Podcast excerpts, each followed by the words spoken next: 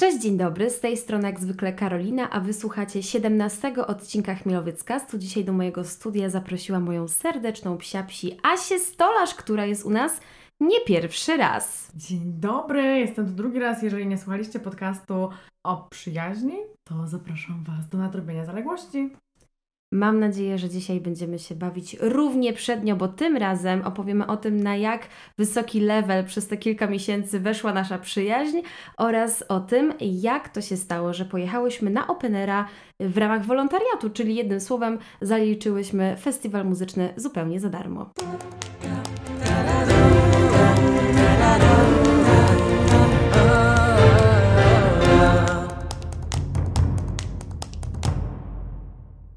Nie wiem, Karolina, jaki moment w naszej relacji możemy uznać za przełomowy, ale skoro teraz już ja Cię nazywam przyjaciółką, Ty chyba mnie również, to coś chyba musi być na rzeczy. Ja się jeszcze trochę boję i czasami tak e, próbuję omijać, śmieszkować, tiruriru, ale Widziałam, tak naprawdę... No, właśnie widziałam, powiedziałaś, że jest moją psia psi.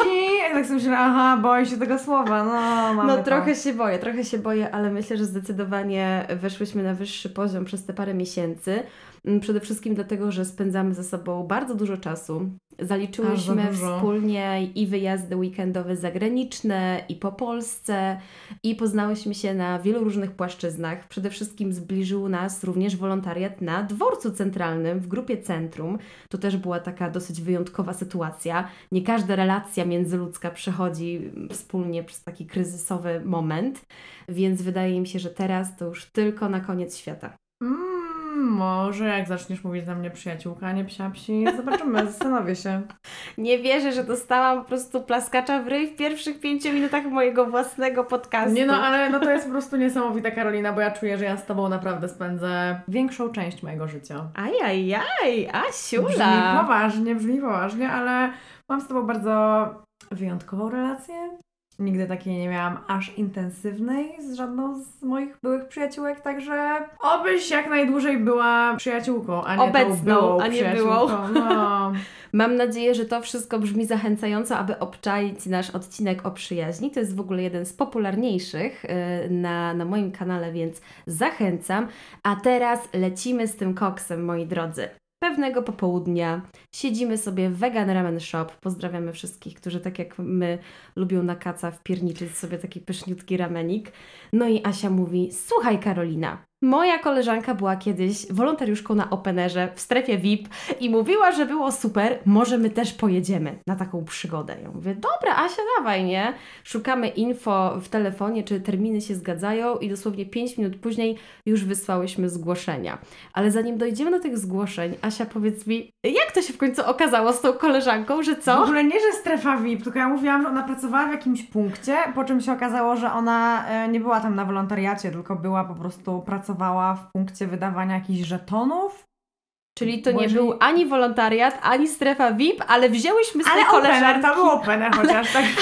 Czyli nic się nie zgadzało, ale wzięłyśmy mimo wszystko z niej przykład i stwierdziłyśmy, że zrobimy to samo. Było to dosyć nieprzemyślane pod tym względem, że nie wiedziałyśmy na co mamy się przygotować, bo nigdzie w internecie nie ma informacji na temat tego, jak to wygląda, jak wyglądają te zmiany, jakie są w ogóle strefy, na których można pracować. Nic w ogóle, niczego się nie można dowiedzieć w internecie na temat wolontariatu właśnie na Openerze, więc była to trochę taka podróż w nieznane.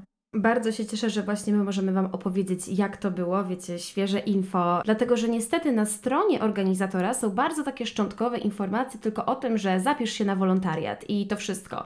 Wyślij swoje zgłoszenie, pomóż nam, bądź częścią naszego teamu, ale nie ma nic na temat tego, w jaki dokładnie sposób można pomagać, ile trwają zmiany, co, gdzie, jak, dlaczego. Przeczytałyśmy regulamin tego zgłoszenia i tam dowiedziałyśmy się tak naprawdę tylko tyle, że e, skontaktują się z wybranymi osobami, no i że w ramach naszego wolontariatu przysługuje nam jeden ciepły posiłek dziennie, darmowe miejsce na polu namiotowym, no i oczywiście karnet na opka, czyli jak nie pracujemy, to możemy cieszyć się festiwalem w pełni. To były jedyne informacje, jakie miałyśmy i w zupełności wystarczyły, żebyśmy chciały spróbować. To może Karolina powiesz o tym, jak się dostałaś na tego openera, bo ja na przykład się nie dostałam na początku. Dobra, więc tak, jeżeli chodzi o uzupełnienie tego zgłoszenia, to prosta sprawa. Imię, nazwisko, wiek, e, jakie znacie języki obce, czy macie już jakieś doświadczenie w, w wolontariacie, czy byliście już na openerze, czy byliście wolontariuszem na openerze. Takie głupotki, no takie typowe typowe zgłoszenie wysyłamy, no i tyle. Chyba z miesiąc trzeba było czekać na odpowiedź. No i tak naprawdę ja bardzo szybko tę odpowiedź uzyskałam, że witamy w gronie wolontariuszy. Ogólnie wydźwięk był taki, że zaklep sobie termin, a z resztą informacji do Ciebie przyjdziemy. No i ja oczywiście od razu piszę do Asi, Asia, Asia, dostałaś maila? Nie, nie, nie, ja chciałam powiedzieć, że było trochę inaczej, bo byłam w Paryżu pod Louvrem, robiłam sobie zdjęcie, jak trzymam koniuszkami moich dłoni piramidę, która jest w Louvre, po czym nagle dostaję telefon od Karoliny. Boże, Asia, dostałaś się, dostałaś się. Ja mówię, nie wiem, Karolina, nie sprawdzałam maila. A ty mówisz, Boże, sprawdź, sprawdź, sprawdź. No mówię, dobra, sprawdzam. No i patrzę, nie mam żadnego maila. I Karolina mówi, Boże, bo w tym Paryżu jest taki słaby internet, coś tam, to dlatego pewnie nie działa. Ja mówię, no nie wiem, Karolina, chyba się po prostu nie dostałam.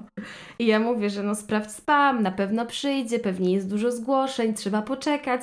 No ale czekałyśmy dzień, drugi, trzeci, stwierdziłam, tak nie może być. I napisałam taki długi poemat do organizatorów wydarzenia, że słuchajcie, e, elo, elo 320, Karolina z tej strony, dostałam się bardzo mi miło, wiem, że macie mnóstwo zgłoszeń do przejrzenia, ale tak się składa, że o tej samej porze, tego samego dnia wysłałam niemalże identyczne zgłoszenie z moją przyjaciółką. I dlaczego ona jeszcze nie dostała od Was maila? I napisałam, że oczywiście rozumiem, macie mnóstwo zgłoszeń do przejrzenia, ale ręczę za nią, że to porządna kobieta jest, pracowita, ambitna, języki zna, kawał świata widziała, a my razem tworzymy tak zgrany team, że jak nas nie wezmą, to po prostu popełnią największy błąd życia. No i co, minął jeden dzień, tak? Nie no, minęło jakieś 20 minut chyba, tak mi się wydaje. Minęło jakieś 20 minut i dosta- od razu dostałam odpowiedź zwrotną.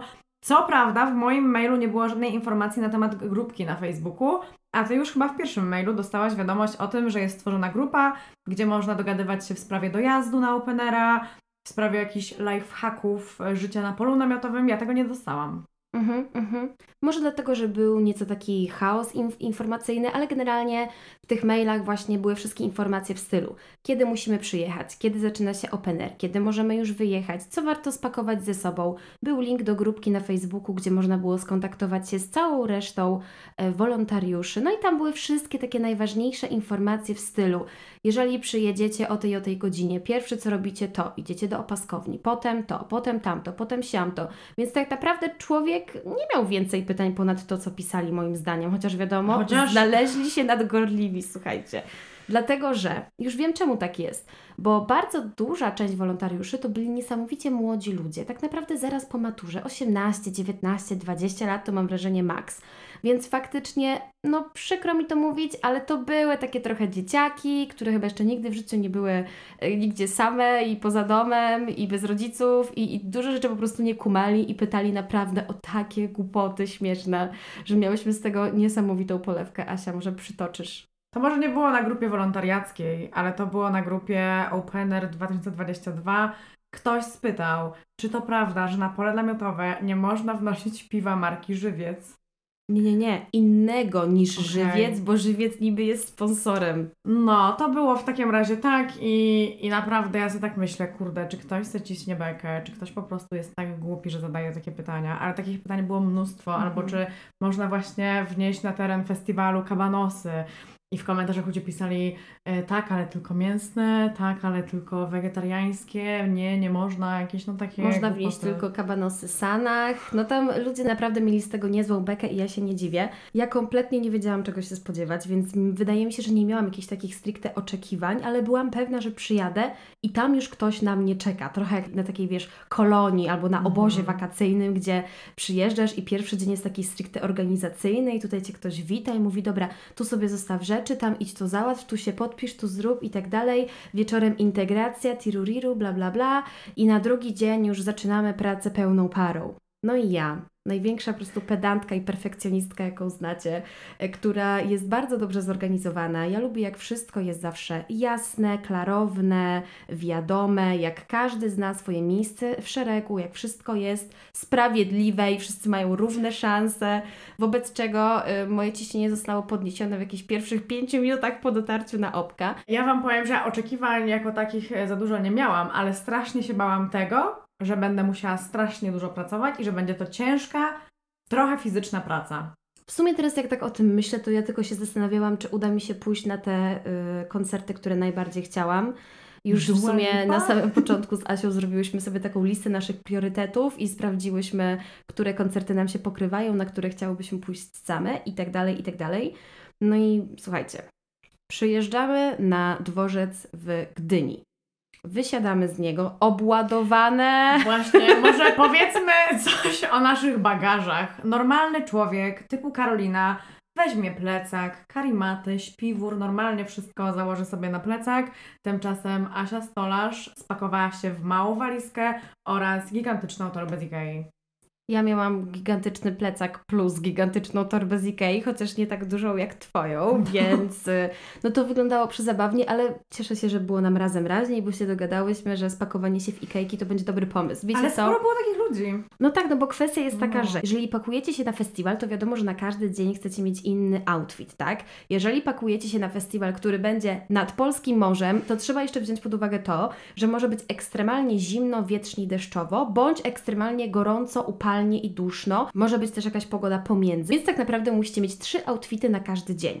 Jeżeli my dodatkowo pojechałyśmy tam w ramach e, pracy na wolontariacie, no to poza tymi wszystkimi naszymi outfitami musiałyśmy mieć takie rzeczy na co dzień, których nam nie szkoda, które można założyć do roboty, plus piżamki, piżamkę na upalną pogodę w namiocie, piżamkę na zimną noc w namiocie i tak dalej, nie? Więc y, po pierwsze przez to, że jest to wolontariat, a po drugie przez to, że jest to pole namiotowe, a nie spanie, nie wiem, kamperze czy w hotelu, no to tych rzeczy się namnożyło, bo wiecie, musiałyśmy sobie wziąć taki survival kit, ale też takie y, cute rzeczy y, typowe influencerki na festiwalu, nie? Żadnej było takiej łatwe. rzeczy nie zabrałam, Karolina. Jak to, Asia? Czy mam jakieś cute ciuchy influencerki? Zawsze jesteś cute i zawsze jesteś influencerką. Nie, ja tylko na przykład wzięłam jedne długie spodnie na Openera, myślałam o tym, że wcale nie będzie zimno, nie? A w nocy kurczę 13 stopni. No i w sumie trzeba przyznać, że faktycznie były bardzo skrajne pogody, ale do pogody jeszcze dojdziemy. Zaraz dojdziemy. Dojeżdżamy do Gdyni Głównej, wysiadamy z tymi naszymi tobołami. E, No i całe szczęście tuż pod y, dworcem już czeka autobus, który ma napisane Festiwal Opener, więc w momencie jak już się tak tłukłyśmy z tymi wszystkimi ikejkami, to się zaczęłyśmy głośno zastanawiać, dlaczego nie przyjechałyśmy tam furą. No, bardzo szybko doszłyśmy do meritum, że to dlatego, że żadna z nas nie ma samochodu, ale Ma to sens. Gdybyśmy miały samochód, to wydaje mi się, że fajniej jest podjechać po prostu z autem, a nie, że te wszystkie rzeczy trzeba było nosić i targać i tak dalej. Bo tutaj jest puenta historii jakby pierwszego dnia organizacyjnego. Wysiadamy z tego autobusu i już nas zaczynają kierować, tak? Ktoś tam stał z megafonem, w kamizelkach, wolontariusze, zapraszamy tu, przechodzimy przez jezdnię, bla, bla, bla, zapraszamy na pasy, tiruriru. No i my takie obładowane i ten tłum wolontariuszy razem z nami, idziemy. I tak naprawdę nie do końca wiedziałyśmy, gdzie mamy iść, więc po prostu poszłyśmy za tłumem. Szczególnie jeszcze, że chciałam powiedzieć, że to nie był tylko tłum wolontariuszy, bo też osoby, które mają bilety na pole namiotowe, mogą się już e, zaczekować na polu namiotowym dzień wcześniej. Tak, mogą się tam zameldować dzień wcześniej, dlatego w sumie masz rację, dobrze, że to mówisz, w tym autobusie byli i wolontariusze, i uczestnicy, i w sumie wszyscy, może jacyś przypadkowi ludzie również.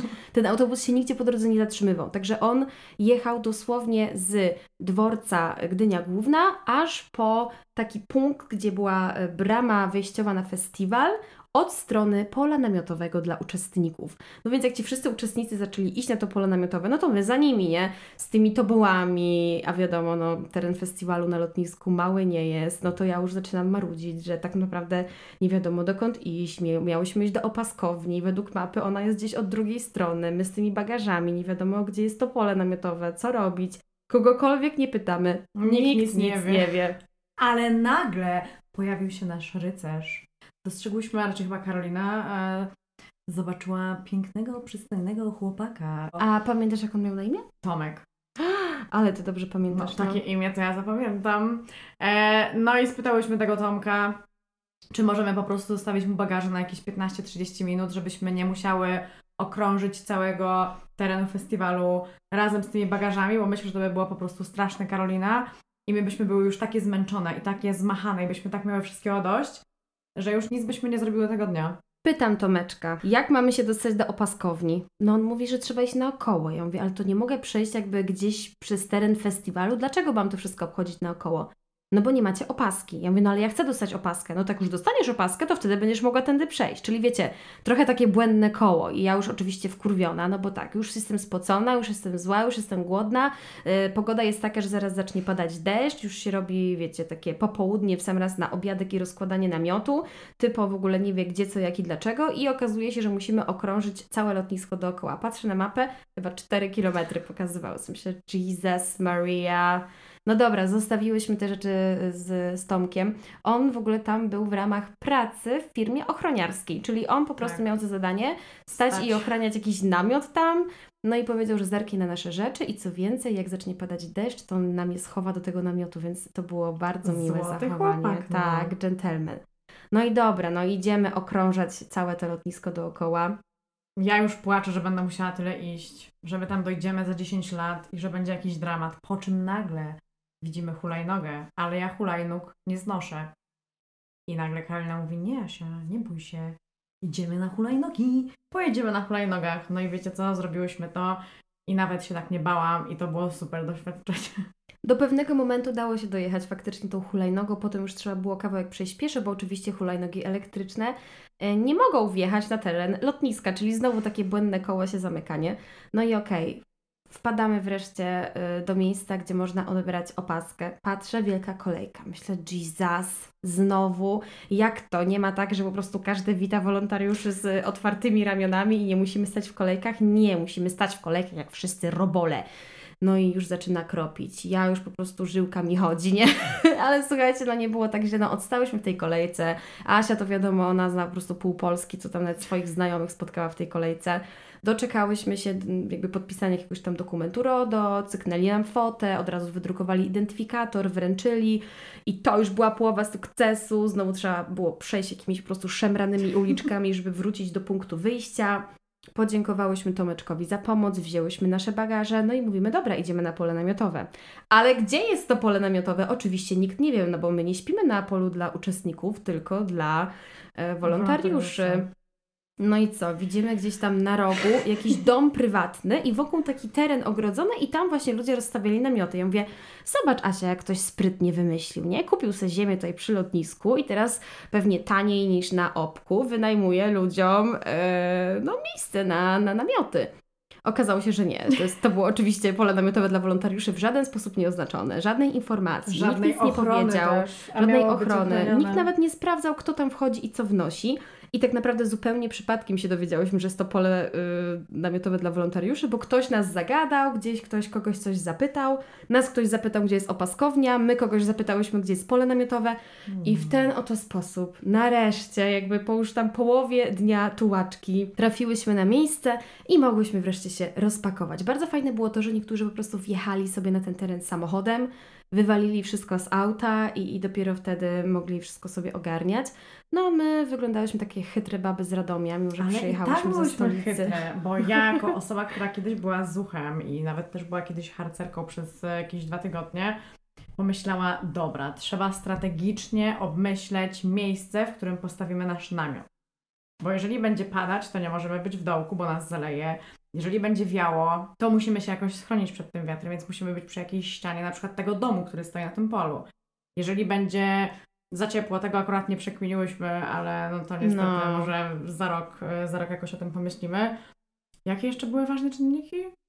No, żeby ziemia była dobra i była trawka i żeby było w miarę blisko do łazienki. Ale też nie przy samej łazience, żeby Tak. cały czas ktoś nie chodził, więc trzeba było tak to rozkminić. Ale powiem szczerze, że wybrałyśmy super miejsce, bo oprócz poranków, gdzie było gorąco, no to naprawdę było idealnie. Tak, to było dobre miejsce na namiot, z tym, że przyjechałyśmy tam e, pochmurnego popołudnia, więc faktycznie nie pomyślałyśmy o tym, gdzie jest słońce i, i dlaczego wszystkie namioty są po drugiej stronie domu, a nie tam, Ale gdzie my się Też rozkładałyśmy. tutaj był taki problem, że tego dnia strasznie wiało. I akurat w miejscu, w którym postanowiłyśmy rozłożyć nasze namioty, akurat magicznie nie wiało, więc byliśmy takie, Boże, wygrałyśmy życie, po prostu najlepsze miejsce na całym polu. Tak, mówiłyśmy sobie, a tam ci debile, im tutaj wieje po namiotach, frajerzy, a u nas jakby dom jest naszym y, wiatrochronem i, i nam nic nie wieje. No dobra, ale tam ci frajerzy przynajmniej rano mogli sobie pospać, a my miałyśmy 40 stopni Celsjusza No, w, 7:30 w namiocie. No ale generalnie y, przyspieszmy trochę tempa, rozłożyłyśmy namioty, świetnie sobie poradziłyśmy ze wszystkim. Jak na nie jakieś mocno doświadczone y, obozowiczki, to myślę, że było super fajnie, ekstra cool. No i tam na godzinę jakąś tam miałyśmy już obiad y, zaplanowany, potem miałyśmy y, mieć spotkanie organizacyjne i dopiero tam, nie dość, że poznałyśmy całą ekipę, z którą do tej pory mailowałyśmy, to jeszcze byli tam wszyscy wolontariusze, było nas ponad 300 osób, także naprawdę sporo. I wtedy dowiedziałyśmy się dokładnie, jakie są strefy, w jaki sposób je przydzielano. Okazało się, że niektóre owszem będą przydzielone zgodnie z naszą wolą i prośbą, które mm, ustosunkowaliśmy w mailach, a niektóre były po prostu losowe. Także to zależało od ludzi, o ich predyspozycji, od doświadczenia, od ich po prostu preferencji. Także jeżeli macie chęć, no to warto ją wyrazić już na samym początku w mailach, do jakiej strefy chcecie zostać przydzielone, bo potem to może być losowe, być może nie każdy będzie zadowolony. Również losuje się zmiany. To są karteczki, gdzie wypisane są po prostu godziny na każdy konkretny dzień.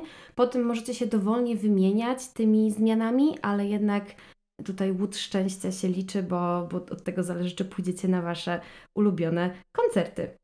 Może warto jest wspomnieć od razu przy okazji, jakie są strefy na tym Openerze, a jakie przynajmniej były podczas naszego wolontariatu. Jeżeli chodzi o strefy, w których wolontariusze są potrzebni, to na przykład była to m.in. opieka nad osobami z niepełnosprawnością, pomoc w strefie VIP, pomoc w strefie Kids Zone, czyli tak naprawdę bycie prawą ręką animatorek, które zajmowały się dzieciakami. To nie było tak, że wolontariusze sami się nimi zajmowali. Czasem też zdarzało się, że osoby musiały pracować poza terenem festiwalu, na przykład na dworcu lub przy wejściach na teren festiwalu. Była też opcja pomocy w kawiarni festiwalowej, w strefie silent disco, w garderobach, w strefie VIP, chociaż Ty już chyba mówiłaś, pomoc w strefie sprzedaży wina, w ogóle wspaniała opcja. Tak naprawdę to większość tych stref miało swoich dedykowanych, opłaconych pracowników, a wolontariusze byli tylko pomocą. Chociaż słyszałam, że był naprawdę niezły zapiernicz w strefie garderoby. Wszyscy się bili o tę strefę. Każdy chciał być w strefie VIP oraz w strefie garderoby, dlatego że ludziom się wydaje, że to jest takie fajne i prestiżowe i cool, no bo przecież robicie takie super rzeczy, tak? Możecie poznawać jakieś gwiazdy, artystów, influencerów, a w rzeczywistości to wcale tak nie wygląda. Ludzie pracowali po 14 godzin dziennie, nie mogli się do nikogo odezwać, nie mogli z nikim nawiązywać kontaktu wzrokowego. Musieli cały czas, nie wiem, polerować sztućce albo robić jakieś inne dziwne rzeczy i nie chodzili przy okazji na koncerty, co jest dosyć słabą rzeczą, bo jeżeli już jedziesz na festiwal, a całą swoją zmianę i cały wieczór spędzasz W e, namiocie, w zamknięciu. No właśnie, nawet nie słyszysz tych koncertów, no to jest to po prostu słabe. Jest to trochę przykre, dlatego też moim zdaniem e, warto umieć walczyć o swoje, bo ja bym w życiu się nie dała wmanewrować w pracowanie więcej niż powinnam. Od samego początku zostały przydzielone nam zmiany 8-godzinne, więc jeżeli ktoś daje się frajerzyć i, i siedzi gdzieś po 14 godzin, a bo liderka mi zabroniła wyjść na obiad, no to ja mówię, sorry laska, jesteś sama sobie winna. Niestety, ludzie bywają różni, czasem ktoś będzie próbował Cię wykorzystać, niekoniecznie jest to jakby wina całego festiwalu i organizatorów, ale no ludzie są różni, dlatego mówię to i ostrzegam Was, dlatego że większość e, stref była bardzo chillowych, zaraz opowiemy o naszej, ale były też takie, które ja umiałabym szerokim łukiem, bo co to jest za fan bycie w strefie VIP, Okej, może to brzmi fajnie, ale wydaje mi się, że mniej fajne jest właśnie mycie y, naczyń czy sprzątanie stołów po Twoich tak naprawdę ziomkach z branży, bo jestem pewna, że spotkałybyśmy tam jakichś tam znajomych, nie? Mm, Wydaje mi się, że fajna była też strefa wino, bo tam właśnie dlatego, że ta strefa miała dedykowanych pracowników, to wolontariusze przez większość czasu nie byli tam w ogóle potrzebni i chillowali sobie na festiwalu. My natomiast trafiłyśmy do strefy, która miała bardzo ambitną nazwę, Pomoc przy obsłudze przedstawicieli mediów polskich i zagranicznych oraz przy pracach festiwalowej ekipy foto i wideo. Jednym słowem, byłyśmy w strefie wideo, co należało do naszych obowiązków. Każdy z wolontariuszy miał przypisanego do siebie operatora kamery. Operatorzy przez pierwsze trzy piosenki każdego koncertu mogą sobie pójść do fosy i nagrać tam jakiś materiał. I my tak naprawdę miałyśmy iść tam z nim i być jego prawą ręką, która ma za zadanie zbierać zgody na publikację wizerunku od uczestników, którzy akurat pojawiliby się w wideo. Czyli jeżeli operator stał z kamerą w fosie i nagrywał cały tłum, no to chillera, bo to jest tłum. Jeżeli nagrywał artystów, no to też luzik. Ale jeżeli nagrywał fokus na jedną konkretną osobę, która się świetnie bawi na festiwalu, płacze ze wzruszenia albo jakoś tak super tańczy, ma mega stylówę, to potem trzeba było podejść do tej osoby i powiedzieć, że cześć, nagrywam tutaj film z Opka, proszę podpisz nam zgodę e, RODO e, i baw się świetnie. No i tak naprawdę to tyle. Ale miałyśmy to szczęście, że poniekąd współpracowałyśmy ze strefą foto. Tak, ja chciałam też powiedzieć, że to, co było najważniejsze w ogóle w naszej pracy, to było to, że ciągle trzeba było być skupionym, bo nigdy nie wiesz, kogo dokładnie nagra Twój operator, jeżeli nie patrzysz mu w podgląd. Czasem może, nie wiem, pokaże Ci jakąś ręką mniej więcej, kogo nagrał, ale już zaraz potem zaczyna nagrywać kolejną osobę, więc trzeba na bieżąco po prostu patrzeć w ten podgląd, obserwować go e, czujnie, no i od razu na szybko podchodzić do tych ludzi. A jeżeli chodzi o strefę foto, która myślałam, że jest dosyć średnia, bo kilka osób z tej strefy zdążyło mnie wkurzyć. Tak, potem się nagle okazało magicznie, że strefa foto przychodziła 15 minut przed każdym koncertem i zbierała zgodę od każdej osoby, która była w pierwszym czy drugim rzędzie. Co bardzo ułatwiało nam pracę i dzięki temu, mimo tego, że w ogóle miałyśmy bardzo mało e, godzin pracy na festiwalu, mogłyśmy się bawić na tych koncertach, a nie zbierać zgodę. Tak, więc trochę mam wrażenie ich wykorzystywaliśmy, ale to nie było. Nie jakby, czułam się z tym źle. To nie było specjalnie. Oni sami wpadli na to, że wolą iść przed koncertem, zebrać od wszystkich podpisy, chociaż uważam, że to też nie do końca jest y, mądre, bo potem masz na przykład 100 z 20 kartek ludzi z pierwszego rzędu, a nagrania masz tylko 3, no i nie wiadomo tak naprawdę kto to jest. No ale dobra, ja tam nie będę się im wpierniczać w robotę. Wydaje mi się, że minusem foto było to, że oni zebrali te zgody, no i potem już nie byli potrzebni tam. A my jednak musiałyśmy zostać przez te trzy pierwsze piosenki i to były chyba moje y, ulubione momenty festiwalu, dlatego że wiadomo, że zupełnie inaczej się odczuwa koncert jakiegoś artysty, kiedy się stoi nawet nie tyle w pierwszym rzędzie, co w fosie, czyli pod samą sceną, niż gdzieś tam hen daleko. Ale y, nie wiedziałyśmy, co, co będzie nas czekało finalnie z 8 godzin, ile dziennie pracowałyśmy? Ja jak sobie wyliczyłam wszystkie moje zmiany, wyszło, że średnio dziennie pracowałam jedynie 45 minut. Mm. To jest naprawdę, to jest tyle co nic. Na początku też nie byłyśmy do końca pewne, jak to ma wyglądać. Czy my mamy krok w krok chodzić za tymi operatorami? Czy mamy być cały czas na stand-by'u i czekać na telefon? Oni chyba też nie wiedzieli, jak sobie tą pracę z nami zorganizować. Finalnie doszło do tego, że każdy miał swojego operatora, dostawałyśmy plan, który operator o której godzinie musi pójść na którą scenę i się umawialiśmy o tej godzinie przy scenie. Pomagałyśmy, każdy się potem rozchodził w swoją stronę i potem znowu się widzieliśmy na te trzy piosenki i znowu każdy się rozchodził. Największym też plusem było to, że miałyśmy dosyć fajną ekipę na zmianie, więc w momencie, kiedy chciałyśmy się powymieniać z resztą naszych znajomych wolontariuszy, to nie było z tym problemu, bo jeżeli na przykład nasza koleżanka z wolontariatu marzyła o jakimś koncercie i bardzo chciała pójść właśnie pod samą scenę na te trzy piosenki, no to mówiłyśmy jasno, spoko, bierz moją zmianę, ja pójdę jakoś później za Ciebie. I to było super. Tak, dokładnie, więc naprawdę pod tym względem nasza strefa była super.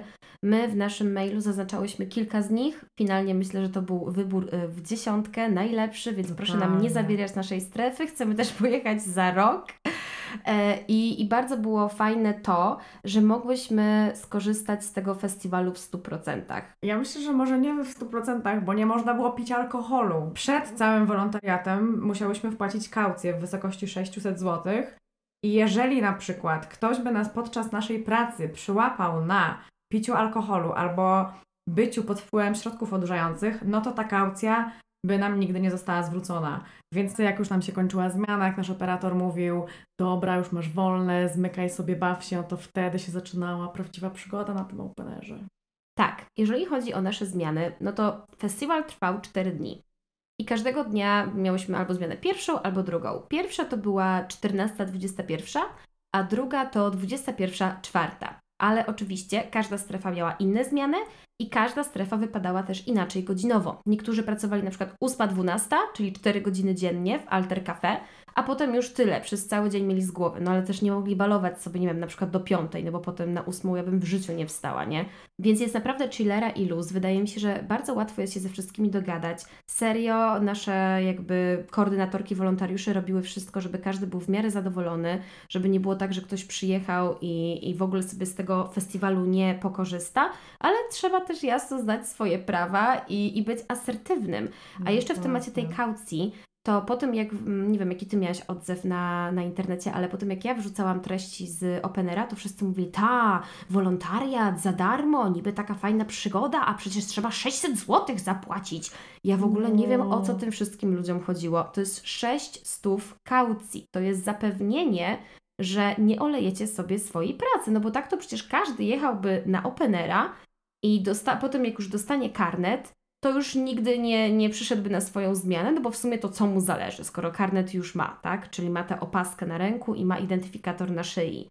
I, I jeszcze warto wspomnieć, że jakby my miałyśmy te opaski, identyfikatory oznaczone na fioletowo, że wolontariusz, więc mogłyśmy wchodzić tam, gdzie uczestnicy nie mogli, chociaż no niestety nie wszędzie. No ale dążę do tego, że ta kaucja to jest po prostu zabezpieczenie organizatorów, że będziemy wykonywać swoje obowiązki. Tak, i właśnie dlatego przed każdą zmianą trzeba było podejść do jednej z kierowniczek wolontariatu i się po prostu odklikać, że przyszło się na tą zmianę, bo jeżeli nagle by dostała informację, że na strefie powinno być 20 osób, a przyszły tylko 3, no to myślę, że by był mocny przypał. Tak, i wszyscy właśnie bardzo mocno się bali, a co jeżeli to, a co jeżeli tamto. Wszyscy jesteśmy tylko ludźmi. Jestem pewna, że gdyby ktoś wypił sobie jedno piwko na zmianie, to też nic by się nie stało i to nie jest tak, że od razu zabierają Wam kaucję i wywalają Was na, na zbity pysk. Ale jeżeli no, ktoś się będzie zataczał, od kogoś będzie cuchnęło alkoholem, ktoś się na, na swojej zmianie nie pojawi, e, nie wiem, no, bo ma jakieś tam głupie wymówki, a nie, że coś poważnego się stało, no to wiecie, takie lekceważące yy, podejście po prostu będzie miało swoje konsekwencje. Ale wydaje mi się, że jakby totalna chillera. Jeżeli dla kogoś te 600 zł to jest tak dużo, że bez tego sobie nie poradzi i to jest jakby niewyobrażalna kwota, no to no niech nie jedzie, no. A w temacie też pieniędzy chciałabym tylko przypomnieć, że w tym roku bilet na sam festiwal kosztował 700 zł. Gdyby do tego jeszcze dodać albo pole namiotowe, albo jakieś mieszkanie na przykład, czy apartament, czy jakieś Airbnb w centrum Gdyni, Gdańska czy Sopotu, to to naprawdę wychodzi koło 2000 zł, więc my w ogóle tyle zaoszczędziłyśmy pieniędzy na tym wyjeździe, że to jest cudo. No bo tak naprawdę zapłaciłyśmy za pociąg Warszawa-Gdynia, za jedzenie i alkohol. I pendolino! A Powrotne. nie musiałyśmy wcale jeść ani pić. No, nie musiałyśmy. ale chciałyśmy. Wydaje mi się, że ten jeden posiłek dziennie też dosyć jakby Tak, to był bardzo duży opcją. posiłek, bo to była właśnie i zupa, i drugie danie, Zupa była bez limitu i, i wydaje mi się, że gdybyś była bardzo głodna i poprosiła o dokładkę drugiego dania, to też by No. dołożyli, bo to jedzenie zawsze zostawało pod koniec dnia, można było sobie wziąć wynosik, więc to No. było ekstra. Ja zazwyczaj po prostu nie dojadałam tych obiadów, bo to było za dużo i, i moim zdaniem ekstra. Warto też wspomnieć o wolontariacie technicznym. Nie, nie, produkcyjnym. Były dwa i był produkcyjny i techniczny. Techniczne to są bardziej te rzeczy związane na przykład z budowaniem sceny, to są bardziej takie dla jednak silnych mężczyzn, żeby coś przenieść ciężkiego, coś zbudować, coś młotkiem przybić, e, a też nie wiem, co się robi na produkcyjnym. Mi się wydaje, że to jest jedno i to samo, ale po prostu chcemy dodać, że na taki wolontariat jedzie się przed openerem na 2-3 dni i właśnie rozstawia się te sceny i, i dba się jakby o ogrodzenie całego terytorium i tak dalej. To są takie kwestie czysto produkcyjno-techniczno-organizacyjne, a potem dostajecie karnet na festiwal na 4 dni, ale już jako zwykły uczestnik i słuchajcie, bailando. Więc jeżeli ktoś ma bardzo dużo wolnego czasu, na przykład właśnie jest po maturze, to moim zdaniem to jest nawet No, jeszcze jest fajniejsza super. opcja niż wolontariat na Openerze. No ale myślę, że mój pracodawca jakby się dowiedział, że chce po prostu dwa tygodnie wolnego, żeby pojechać na opka, to by się po prostu stuknął w czoło, nie? No byłoby ciężko, plus też jakby bardzo jestem wdzięczna za to, że podczas festiwalu miałyśmy dostęp do jedynego lub może jednego z kilku budynków na terenie festiwalu, czyli do budynku lotniskowej Straży Pożarnej. Mogłyśmy tam zostawić sobie rzeczy na przebranie, czy jakieś, nie wiem, buty na zmianę, kurtkę przeciwdeszczową, czy jakieś ciep- jakąś ciepłą bluzę. E, No a w przypadku bycia zwykłym festiwalowiczem, no to albo musisz wszystko nosić, nosić na pleckach, i nie masz też takiego miejsca cichego, w którym możesz sobie odpocząć, podładować telefon, trochę pochillować. Na terenie jest- festiwalu była szatnia, którą uczestnicy mogli sobie tam używać, Ale tylko że tego po pierwsze mało. płatna, po No. drugie y, tam było mało przestrzeni, tu nie było miejsca, gdzie można było się skryć, tylko raczej oddać kurtkę. E, a poza tym tam pod koniec dnia przecież były takie kolejki, żeby odzyskać swoją rzecz. No jednym słowem, właśnie w tym budynku, w którym mieściło się biuro wolontariuszy, mogłyśmy sobie zarówno zostawić rzeczy, zjeść posiłek, trochę wychillować, poczekać na swoją zmianę albo być na tak zwanym stand-by'u podczas e, pracy. W momencie, kiedy zrobiła się w ogóle cała chora akcja z burzą, no to tam też mogliśmy się skryć i nawet zanocować, jeżeli ktoś się bał wracać na pole namiotowe. Lub jeżeli komuś rozwaliło namiot i zalało wszystkie rzeczy w środku. Bywały też takie przypadki. To naprawdę super. I ja uważam, że wolontariusze dobrze byli tam traktowani. e, Nic mi tam nie brakowało, wszystko było super. Poza tym pierwszym dniem, który w ogóle nie był tak do końca zorganizowany i nie mieliśmy również e, integracji, bo po prostu nikt nie miał na to czasu, siły, ochoty i było za dużo pracy, jeżeli chodzi o poziom tutaj naszych koordynatorek, więc nie było komu tego ogarnąć. Jakby poza tym wszystkim, to już było ekstra cool moim zdaniem. No to ja bym się jednak trochę doczepiła do kwestii ochrony na polu namiotowym. Bo pierwszego dnia nie było nikogo, a potem w trakcie festiwalu były, mam wrażenie, jakieś osoby z łapanki, którym po prostu powiedziano, masz tu siedzieć i pilnować i wpuszczać osoby z opaskami fioletowymi. Oni w ogóle Gdzie nie mam wrażenie, że sprawdzali. właśnie nikt nie sprawdzał tych opasek, więc jakby ja też nie miałam nic cennego w namiocie, więc się nie bałam o to, ale każdy mógł sobie wejść na to pole namiotowe, wejść komuś do namiotu, no Karolina pomyśl, wchodzisz sobie do namiotu, a tam ktoś siedzi w twoim namiocie, co byś zrobiła? Nie wiem, co bym zrobiła, zależy, czy to byłby na przykład jakiś przystojny pan z zadatkiem na sugar daddy, ale faktycznie to nie było coś, nad czym się każdego dnia zastanawiałam, że o mój Boże, nikogo tu nie ma i ktoś mi ukradnie moje brudne ciuchy z namiotu, ale faktycznie czułabym się fajniej, jeżeli miałybyśmy najlepiej, nie wiem, tego samego pana każdego dnia, który nas już mniej więcej kojarzy, który patrzy, czy mamy opaskę, identyfikator i który wpuszcza tylko odpowiednie osoby. A tak to można było wnieść na teren pola namiotowego absolutnie każdy przedmiot, niezależnie od gabarytów i mógł tam wejść też każdy człowiek. No, aż tak się nie przyglądali tym naszym opaskom i identyfikatorom. Więc faktycznie to jest pole do poprawy.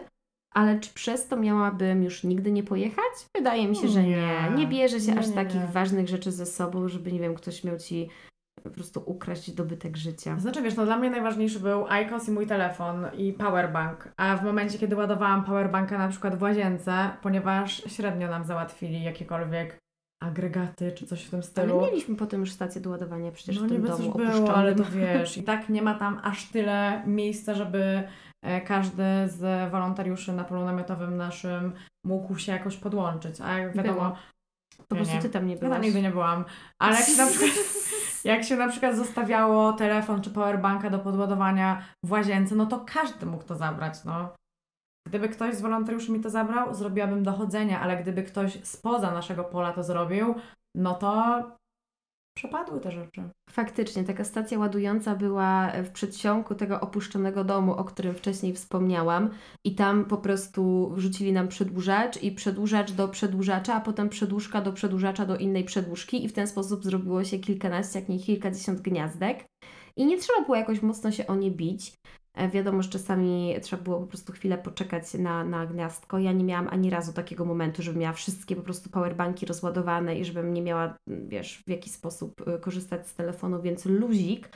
Ale jeżeli mówimy o tym w kontekście bezpieczeństwa, no to faktycznie fajniej byłoby mieć jakąś taką stację ładującą, tak jak na terenie festiwalu, bo były takie, szafeczki. takie tak. szafki depozytowe, nie? Jeżeli chodzi też o dostęp w ogóle do wody, to fajnie, że na terenie festiwalu były takie cysterny, gdzie można było sobie wodziczkę nalać. Szkoda, że nie było czegoś takiego na przykład na polu namiotowym, które było dosyć daleko od po pierwsze terenu festiwalu, po drugie od naszego biura wolontariuszy, które było też naszą stołówką, więc dziennie robiłyśmy tam 10-15 kilometrów. Wydaje mi się, że mój rekord to było około 18, ale 20 No nie przekroczyłam. Dzień, bo też warto wspomnieć, że z naszego pola namiotowego do naszego biura szło się mniej więcej 25-30 minut jakoś, Mhm. nie? Raz tam miałyśmy jakiś rekordzik, e, szybciej się udało, ale no niestety było to daleko. Tak, no po prostu idziecie 30 minut przez, przez teren tego lotniska, który nie jest w sumie aż takie małe, wobec czego trzeba się przygotować na jak najwięcej ruchu i codzienne cardio, więc wiecie, Wygodne momencie, buty. kiedy- zakładacie swój super chillowy, a festiwalowy outfit, bardzo letni, jakiś koronkowy tutaj sukieneczki i tak dalej, już dochodzicie na teren festiwalu i zaczyna grzmieć. To jedyne, co się ciśnie na usta, to kurwa, nie idę na to pole namiotowe, już mi się po prostu nie chce. I dlatego najlepiej było do plecaczka wrzucić y, wszystkie rzeczy potrzebne na dany dzień, na każdą możliwą pogodę i zostawić to w biurze wolontariuszy.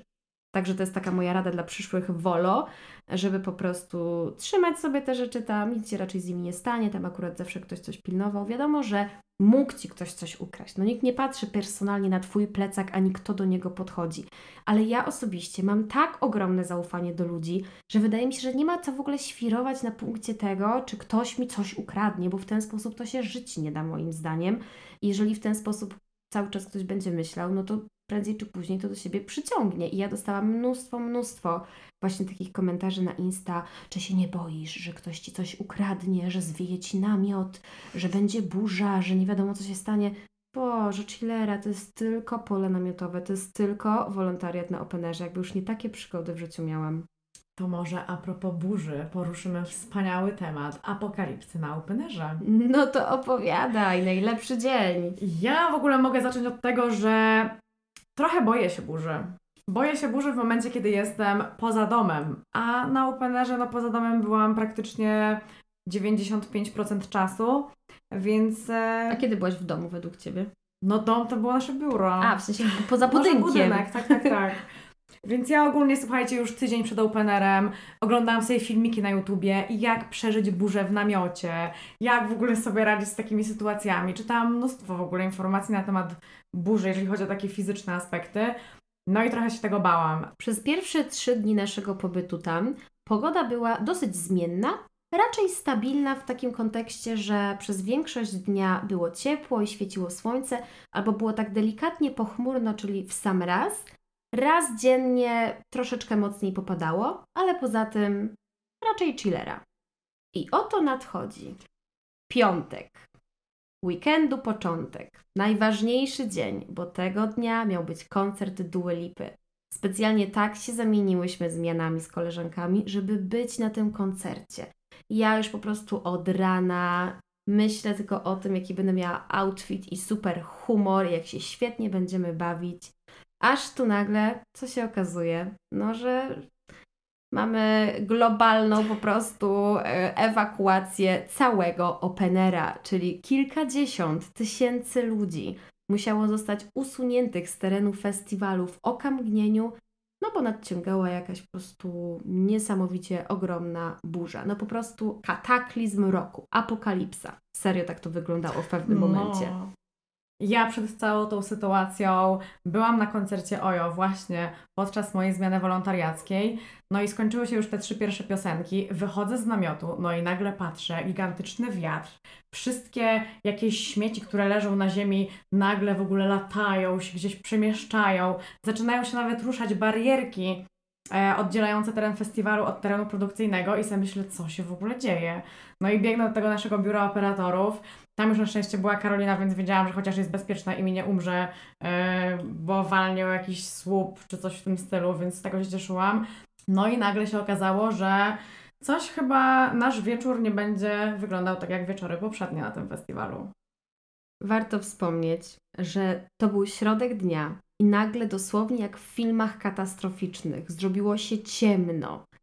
I, I ten wiatr, i właśnie te latające śmieci, i te tłumy ludzi, które ochrona próbuje wywalić poza teren e, lotniska. To, to było przerażające. W momencie, kiedy ja się dowiedziałam o ewakuacji, to też byłam na robocie z moim operatorem, byliśmy na koncercie. No i tutaj z- on sobie tam robi, co ma robić, kameruje, ja tutaj patrzę, czy trzeba zebrać jakiś podpisik. I nagle na scenę ktoś wychodzi, jakby od organizatorów, i mówi: Przepraszamy, ale koncert zostaje przerwany ze względu na burzę i proszę się ewakuować. I my tak, co tu się w ogóle dzieje? No i pierwsze co, no to chronimy sprzęt własnym ciałem i strzała właśnie do pokoju operatorów. Wychodzimy jakby ze sceny na teren festiwalu, a tam ludzie panikują, biegną, my pod prąd, ochroniarze zaczynają nas zaczepiać. Nie wolno, nie wolno, trzeba wyjść poza teren. My tutaj machamy mu naszymi identyfikatorami, że ale my możemy, proszę nas nie zatrzymywać. No, ja mam taki dosłownie pięciosekundowy filmik z tego. Beka straszna. Wydaje mi się, że w ogóle nie byłoby mi do śmiechu w momencie, kiedy ja byłabym na miejscu tych uczestników. No. Zwłaszcza, że nawet z wolontariuszami nie wiadomo było, co zrobić na początku. Najpierw nam powiedzieli, skryjcie się w biurze, potem, ej nie, sorry, jednak nie możecie, musicie stąd wyjść. Potem, dobra, jednak wracajcie. Wiem, że te ewakuacje ktoś spędził na przykład w Tojtoju, pod śmietnikiem, pod Tak, jakimś drzewem. Ja sobie naprawdę nie wyobrażam tego, co, co musiała czuć ta dziewczyna, która była w tej toju, bo mieliśmy taką grupę na Messengerze osób właśnie i z pola namiotowego i z wolontariatu i nagle jakaś dziewczyna pisze, że jest w tej toju przy e, tencie i co ona ma I zrobić? czy może już wyjść? Masakra. Co ciekawe, ja przegapiłam tę burzę. W sensie my siedzieliśmy u operatorów, więc no, nawet. jakieś 3 e, godziny, więc to nic nie było Nawet nie widzieliśmy, co się dzieje, po prostu padał deszcz i to wszystko. No niestety koncert Dua Lipy został odwołany, nie odbył się. Było nam bardzo przykro, mi było w każdym razie przykro. Mi jest do tej pory przykro, ja w ogóle nie mogę słuchać piosenek Dua Lipy, tak mi jest przykro. Bo głównie dlatego tam pojechałam. Najpierw była Doja Cat, no i odwołali. E, Na drugim miejscu jakby moich najważniejszych koncertów e, była Dua Lipa. Odwołali. Young Leosia odwołali. Co prawda potem ją przynieśli na drugi dzień, ale wciąż. E, Kogo tam jeszcze odwołali, Asia? No sporo. Kiwaniukę. Tak, Michaela Kiwanukę, ktoś tam nie doleciał samolotem, ktoś się okazało, że ma COVID. Jednym słowem, Mm. wydaje mi się, że to była najbardziej taka pechowa edycja Openera, chociaż nie byłam na innych. Mówię tylko to, co mówią y, ludzie. No. Dlatego, że po pierwsze dużo koncertów zostało odwołanych i było zastąpionych takimi no, no nierównie fajnymi artystami. Plus jeszcze ta ewakuacja. Najbardziej mi się podobało to, że prezydent Gdyni stwierdził, że to była naj, najbardziej udana ewakuacja po prostu Ale to w e, ogóle też chyba Polski. organizator Openera tak stwierdził, że to w ogóle było najlepsze, co oni mogli zrobić, że ta ewakuacja przebiegła tak, jak sobie to wszystko zaplanowali. Więc chamsko, no wywalanie ludzi za teren festiwalu? Niemiło. Wiecie, chodzi po prostu o to, że uczestnicy nie mogli tam zostać, bo gdyby coś im się stało, to wtedy organizator za to odpowiada. Czyli o to chodziło z wywaleniem ludzi poza teren lotniska, żeby po prostu nie trzeba było brać za nich odpowiedzialności. I niestety jest to brutalne, trochę chamskie i niemiłe, no ale, Ale też prawdziwe. jest to, jest to logiczne, bo ilość różnych metalowych prętów, różnych instalacji, gdyby nagle to się Agregatów. jakoś właśnie rozszczepiło, zaczęło po prostu latać po terenie festiwalu, mogłoby kogoś zabić, a tak o dziwo ta wielka burza nikogo nie zabiła. Ale co z tego, że ochrona wyrzuciła uczestników z e, terenu festiwalu, skoro przerzuciła ich na teren wojska? I tam też nie mogli przebywać. Więc chodzi o to, że nadchodzi burza, zaczyna padać deszcz, wieje wiatr i grupa dziesiątek tysięcy ludzi zostaje, wiecie, przepychana z terenu na teren. Część osób w ogóle pieszo wróciła do Trójmiasta. Autobusy były przepełnione. Był korek, Ubery nie dojeżdżały, nie było wiadomo co zrobić. Nie było informacji, czy festiwal zostanie wznowiony, czy nie zostanie wznowiony. Bardzo dużo osób przyjechało tego dnia tylko i wyłącznie na koncert Dua Lipy, więc ja po prostu wyobrażam sobie złość ludzi na to wszystko, zwłaszcza, że ochrona niekoniecznie była miła i uprzejma. Wiadomo, znowu powtórzę to, co wcześniej, ludzie bywają różni. Ale mi się wydaje, że ochrona też była bardzo mocno niedoinformowana, bo patrząc nawet na samych wolontariuszy, którzy niby coś tam powinni wiedzieć, mam wrażenie nie wiedzieli nic, jak na przykład się przekonałyśmy podczas naszego pierwszego dnia Openera, tak mi się wydaje, że ochrona również niestety za dużo nie wiedziała. Jednym słowem, wszyscy, którzy byli zaangażowani w Openera, mieli tych informacji za mało. I przez to nie mogli przekazywać ich dalej uczestnikom. Więc każdy się na każdego wkurzał, wszyscy byli sfrustrowani. Do tego dochodziła w pewnym momencie już taka agresja, gdzie ochroniarze tam przeklinali, wydzierali się, krzyczeli na tych uczestników. Ja to rozumiem, bo to są nerwy, to jest stres, nie wiadomo w sumie jak się zachować w takiej sytuacji. Niecodziennie przecież się jest przeszkolonym z takich akcji. Uczestnicy też nie rozumieli, dlaczego oni mają wyjść z terenu festiwalu, bo wiadomo, że jak ktoś kupuje bilet, to klika, że akceptuj regulamin, ale przecież go nie czyta. Ludzie się wkurzyli na maksa. Opener wyłączył możliwość komentowania pod e, ich e, publikacjami na Facebooku i Instagramie, więc zrobiła się z tego niezła drama. Czy dało się to zrobić lepiej? Moi drodzy, nie mam pojęcia, bo się chuja znam na ewakuacjach, na festiwalach muzycznych. Ja Wam po prostu mówię, jak to wyglądało z naszego punktu widzenia. To ja widziałam na Instagramie kogoś, kto właśnie pracował przy produkcji tego festiwalu, że dzień przed rozpoczęciem zrobili taką próbną ewakuację. i niby wszystko było okej. No tak, bo dzień przed rozpoczęciem miałaś 100 osób na terenie no właśnie, festiwalu. A wiecie, jakby no, nie dość, że tych autobusów było za mało. Moim zdaniem to było totalnie nieprzemyślane. Sporo moich znajomych ma teraz traumy jakieś wielkie. Więc y, naprawdę jestem wdzięczna losowi, że mogłam całą tą apokalipsę spędzić w budynku, sucha, w ciepełku, z Karolcią u boku. Także idealnie. Było super. I jak oceniasz cały ten pomysł właśnie wyjazdu na wolontariat i sam wyjazd w skali od 1 do 10, czyli 1 było do bani, nigdy w życiu już tego nie zrobię, a 10 było zaje kurwa biście i jadę w następnym roku. Moim zdaniem 9. Nie było jakoś nie wiadomo jak super. Byłam też kilka razy na Openerze jako po prostu zwykła festiwalowiczka, więc też jakoś mnie to za bardzo nie zaskoczyło. Nie było jakoś mega super fajnie, nie było też źle, więc moim zdaniem ocena 9 jest bardzo adekwatna. 9 to właśnie znaczy, że było super fajnie. Co nie ty no, gadasz? 10 to by było, że jest super Nie no, fajnie. 10 to jest zaje kurwa biście, no to... a 9 to jest bardzo dobra ocena uważam. Nie, no jest Oj, jakieś, nie dobra, umniejszaj. 8,5, 8,5 albo 9, no. W sensie fajna przygoda, fajnie, że za darmo, e, fajnie, że miałyśmy dostęp do budynku, fajnie, że mogłam sobie pospać w namiocie, spędzić też ten czas z Karoliną, więc no było fajnie. Czy było jakoś bardzo super, mega fajnie? Nie, ale myślę, jako taka przygoda było super. Jeżeli chodzi o moją wskazówkę dla przyszłych wolontariuszy, to ja wybrałabym się tam z większą ekipą. Więcej znajomych to jest więcej fanu. My i tak miałyśmy jakichś tam ziomków, znajomków na terenie festiwalu, w sensie przyjeżdżali tam jako uczestnicy, więc można było się tu z kimś złapać na drina, tu z kimś pójść na koncert, tu na wspólne żarcie i to było super. Ale jednak wydaje mi się, że jak się przyjeżdża na przykład na kilka namiotów, takich dużych, wspólnie ze znajomymi, no to jest jeszcze fajniejsza przygoda. Im więcej osób, tym raźniej, więc może nawet uda nam się kogoś namówić na przyszły rok, gdybyśmy chciały Może. jechać jeszcze raz.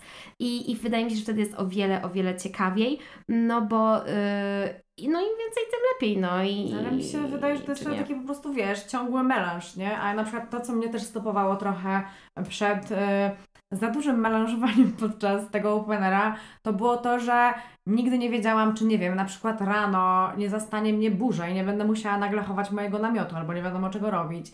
Wiedziałam jakby też, że obudzę się tak czy siak o, dzin- o godzinie 7.30, bo będzie mi strasznie gorąco, więc jeżeli miałabym jeszcze spędzać kaca w takim upale, to byłoby bardzo źle. Plus też nie chciałam być skacowana w pracy, bo nie za dobrze i tak toleruję gigantyczne tłumy, a myślę, że po alkoholu czy na kacu mogłoby być jeszcze gorzej, więc y, ja jakoś nie, nie byłam skłonna do za dużych melanży. Jakby była większa ekipa, może bym bardziej była, ale że jestem bardzo rozsądną osobą, no to niestety rozsądek wygrywa w moim przypadku. Myślę, że na Openerze Asia była rozsądniejsza niż na co dzień, co mnie zaskoczyło. Jeszcze na sam koniec chciałabym wspomnieć o łazienkach, bo nic o nich nie powiedziałyśmy. Na terenie festiwalu macie do dyspozycji tylko i wyłącznie tojtoje. Na polu namiotowym, poza tojtojami, no to są też łazienki, gdzie są normalnie umywalki i prysznice. Ale po pierwsze, na całe nasze pole namiotowe było 10 prysznicy, 10 umywalek. Wiecznie były zajęte, wiecznie były zapchane, wszędzie były włosy i było Mm. brudno i mokro i, i śmierdziało od wilgoci, dlatego że nie było przewiewu, zawsze tam było sporo ludzi, zero prywatności. E, Mówię to wszystko, bo trzeba się na to przygotować, że po prostu to nie jest luksus, to jest pole namiotowe, jest gorąco, każdy chce się wykąpać, ciśnienie jest bardzo słabe, ta woda ledwo leci. Jeszcze jak jakaś laska przy umywalce suszy się suszarką, no to firanka, która zakrywa ledwo co wasz prysznic, no to ona sobie lata i każdy was tam może zobaczyć, jak was Pan Bóg stworzył. Więc e, te łazienki są. Czy da się przeżyć? Da się, bo my przeżyłyśmy. tak. Ale nie nastawiajcie się na nie wiadomo co. Myślę, że my i tak byłyśmy w spoko sytuacji, bo ponoć na polu namiotowym dla uczestników były strasznie długie kolejki. U nas nie było aż tak źle. Nie no, mi się wydaje, że naprawdę bardzo były to fajne warunki. Nie musiałyśmy ani kopać sobie dołków, żeby się załatwić, ani nie musiałyśmy robić sobie prysznica z butelki po wodzie, więc e, warunki były fajne. Jeżeli jednak jesteście typem paniusi, typem dziewczyny, która kocha drogie hotele i, i boi się pracy, no to nie polecam takich, e, takich przygód, bo możecie po prostu się strasznie psychicznie i fizycznie wymęczyć. Ale jeżeli spanie w namiocie i sikanie do tojtojów Was nie przeraża, to naprawdę z ręką na sercu mogę Wam polecić taki wolontariat. Pamiętajcie też, że nie musicie wcale korzystać z pola namiotowego. Możecie być wolontariuszem, który mieszka sobie w jakimś hotelu, hostelu, Airbnb u znajomych, czy nie wiem, w domku letniskowym sąsiada waszego dziadka. Ale wydaje mi się też, żeby mieć taki full experience, to jednak warto być na polu namiotowym, bo macie bliżej na teren festiwalu, spędzicie tam o wiele więcej czasu, nie tracicie go na dojazdy, ale jak na spanie na polu namiotowym, poznałyśmy bardzo mało ludzi. Zabrakło mi tej części właśnie integracji. Ja nawet za bardzo nie byłam chętna na integrację, bo widząc wiek tych ludzi, przysłuchując się jakimś takim rozmowom, no to jednak nie. To nie jest e, mój typ ludzi. Może gdybym kogoś poznała jakoś bliżej, może bym zmieniła zdanie. Fajna była jedna nasza koleżanka, którą poznałyśmy na naszej strefie wideo, ale tak to szczerze mówiąc, nikt mnie tam nie zainteresował na tyle, żebym chciała do kogoś zagadać, nawiązać jakąś relację, czy chociażby pójść razem na koncert. Ja nawet jak kogoś poznawałam, to wymienialiśmy się numerami i mówiliśmy, tak, tak, złapiemy się później, no pójdziemy razem na Silent Disco, na koncert, idziecie na Imagine Dragons, tak, no dobra, widzimy się. Oczywiście, że już się nigdy nie zobaczyliśmy. No i potem milion kontakt, kontaktów w telefonie. No. Tak, ja mam mm, dosłownie, tak jak Asia mówi, bardzo dużo kontaktów z napisem po prostu Adam, wolontariat opener, Kasia, wolontariat opener i tak dalej, i tak dalej. Kim są ci wszyscy ludzie? Teraz już nie pamiętam, ale może przydadzą się te kontakty na przyszłość. Karolina, może Ty powiesz, jak byś oceniła całą tą przygodę, bo nie usłyszałam Twojej oceny. To był mój pierwszy taki muzyczny festiwal z prawdziwego zdarzenia, bo na jedynym, którym byłam wcześniej, to był rok temu Saltwave Festival i, i to było, nie wiem, jakaś taka jedna setna openera, więc to w ogóle nawet się nie umywa. I nie wiedziałam, czego się spodziewać. Nie wiedziałam, jak to jest na takim festiwalu. Nie wiedziałam też, jak to jest być wolontariuszką na takim festiwalu, więc jako doświadczenie czegoś zupełnie nowego, dla mnie super ekstra cool. Ja tam przede wszystkim pojechałam dla przygody, zresztą razem miałyśmy taki priorytet, ale też dlatego, żeby poznać ludzi z branży, sprawdzić, jak działa branża eventowa od kuchni i żeby móc y, wpisać sobie taki fajny punkt w CV. Wydaje mi się, że, że jestem usatysfakcjonowana, jeżeli chodzi o to wszystko. Natomiast za rok będzie lepiej. Też mi się tak wydaje. Też jeżeli tak pojedziemy, wydaje. także ja dałabym dokładnie tyle samo, bardzo mocne 8,5. Na sam koniec, zanim się pożegnamy, chciałabym jeszcze zaprosić wszystkich naszych słuchaczy na YouTube, kanał Asia Stolarz, a tam vlog z naszego pobytu na Openerze. To jest pierwszy podcast w polskim internecie o tym, jak pojechać na Opka za darmo, jak tam e, sobie e, zaoszczędzić hajs po prostu jadąc w ramach wolontariatu, a Asia o tym wszystkim ma formę wideo i tam również ja występuję, więc jeżeli chcielibyście zobaczyć to wszystko, o czym teraz opowiadałyśmy, to serdecznie zapraszamy. My po prostu tyle kontentu porobiłyśmy na tym wolontariacie. No to, to nie było po przygodę, to było po zrobieniu kontentu po prostu. Jest no. film na YouTubie, jest podcast, były reelsy, TikToki, TikToki, wszystko. zdjęcie na Instagrama. I co, opłacało się? No oczywiście, że tak. No i super! Bardzo Ci dziękuję, Asia, za to, że dzisiaj mnie odwiedziłaś. Dziękuję. Wam dziękuję za słuchanie i do usłyszenia już wkrótce. Pa! Pa!